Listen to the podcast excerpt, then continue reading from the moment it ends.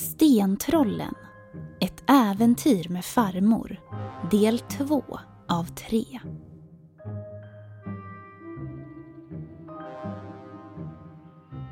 Farmor!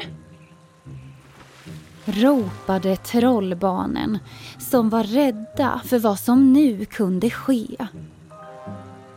Farmor Valdine fräste argt åt de farliga sjöodjuren.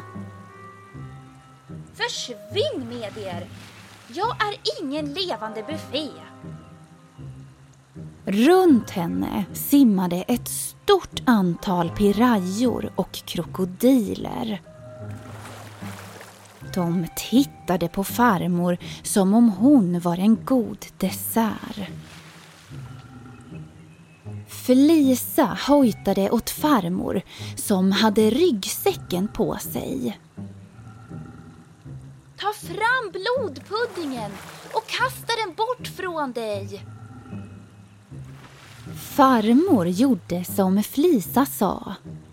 Och de livsfarliga djuren ville gärna den blodpuddingen ha. Medan de mumsade i sig varenda liten tugga skyndade sig farmor upp på land och han precis upp innan krokodilerna efter henne började att hugga. Trollbarnen hade redan hoppat i land och tog emot farmor när hon kravlade sig upp ur floden. Där fick ni! snäste farmor åt djuren med de gula ögonen. Farmor gav sen Flisa den mest innerliga kram. Vilket smart drag med blodpuddingen, sa hon. Du brås minsann på farmor du, lilla dam. Sen bar det av igen, in i den djupaste djungel trollbarnen någonsin skådat.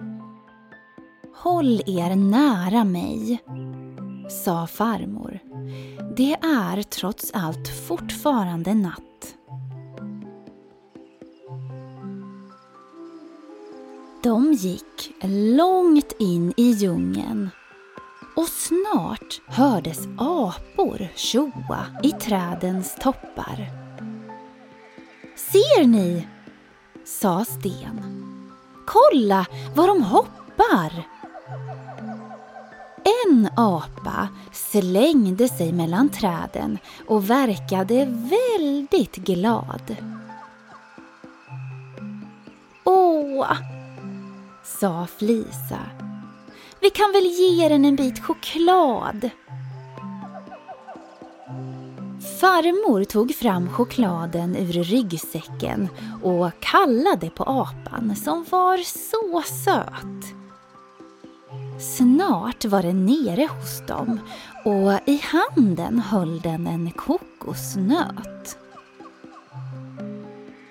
Apan gav kokosnöten till farmor som i sin tur sträckte fram chokladen.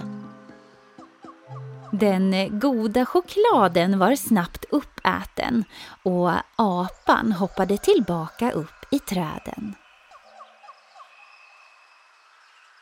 Farmor la kokosnöten i ryggsäcken och sa Den här kan vara bra att ha. Sen fortsatte de att gå och snart var de framme vid en liten å. Bredvid ån fanns en liten timmerstuga som var röd. På den gulliga verandan stod en gungstol som var vit med slitna armstöd. Det här är lysgummans hem, sa farmor och klev upp på verandan som knarrade lite grann.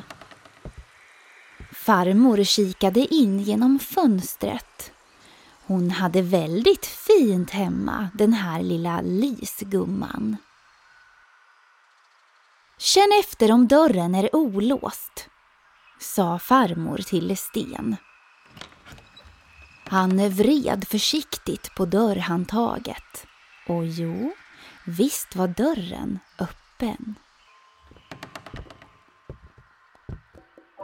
De gick in allesammans, trots att det inte kändes helt rätt. Det var ju egentligen inte okej att bara kliva in hos någon på detta sätt. Men farmor tänkte att de kanske kunde hitta någon ledtråd eller så. Och då måste det väl vara okej att gå in ändå. Lysgumman hade verkligen en vacker liten stuga. Och det syntes tydligt att den här gumman tyckte om att städa och dammsuga. Det var så rent och fint i varenda liten vrå. Inte en endaste dammtuss på mattan som till färgen var blå.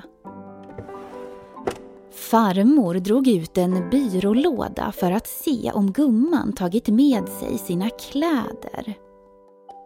Kanske hade hon rest iväg till ett varmt land där det alltid var vackert väder. Men alla kläder låg kvar i lådan och farmor letade vidare i stugan. Då hojtade plötsligt Flisa. Titta vad jag fann! Felisa höll i en karta av något slag. Kartan var lite suddig och texten väldigt vag. Pappret kartan fanns på var tunt, skrynkligt och hade blivit gult med åren. Farmor kramade om trollbarnen och sa nu ungar, nu är vi något på spåren. Men precis när farmor skulle till att tyda kartan och den suddiga texten fick Sten syn på något stort i fönstret som tittade på dem med de största ögonen. Något eller någon hade haft koll på barnen och farmor. Det knarrade ute på verandan. Dörren öppnades och skrek högt gjorde lillebror.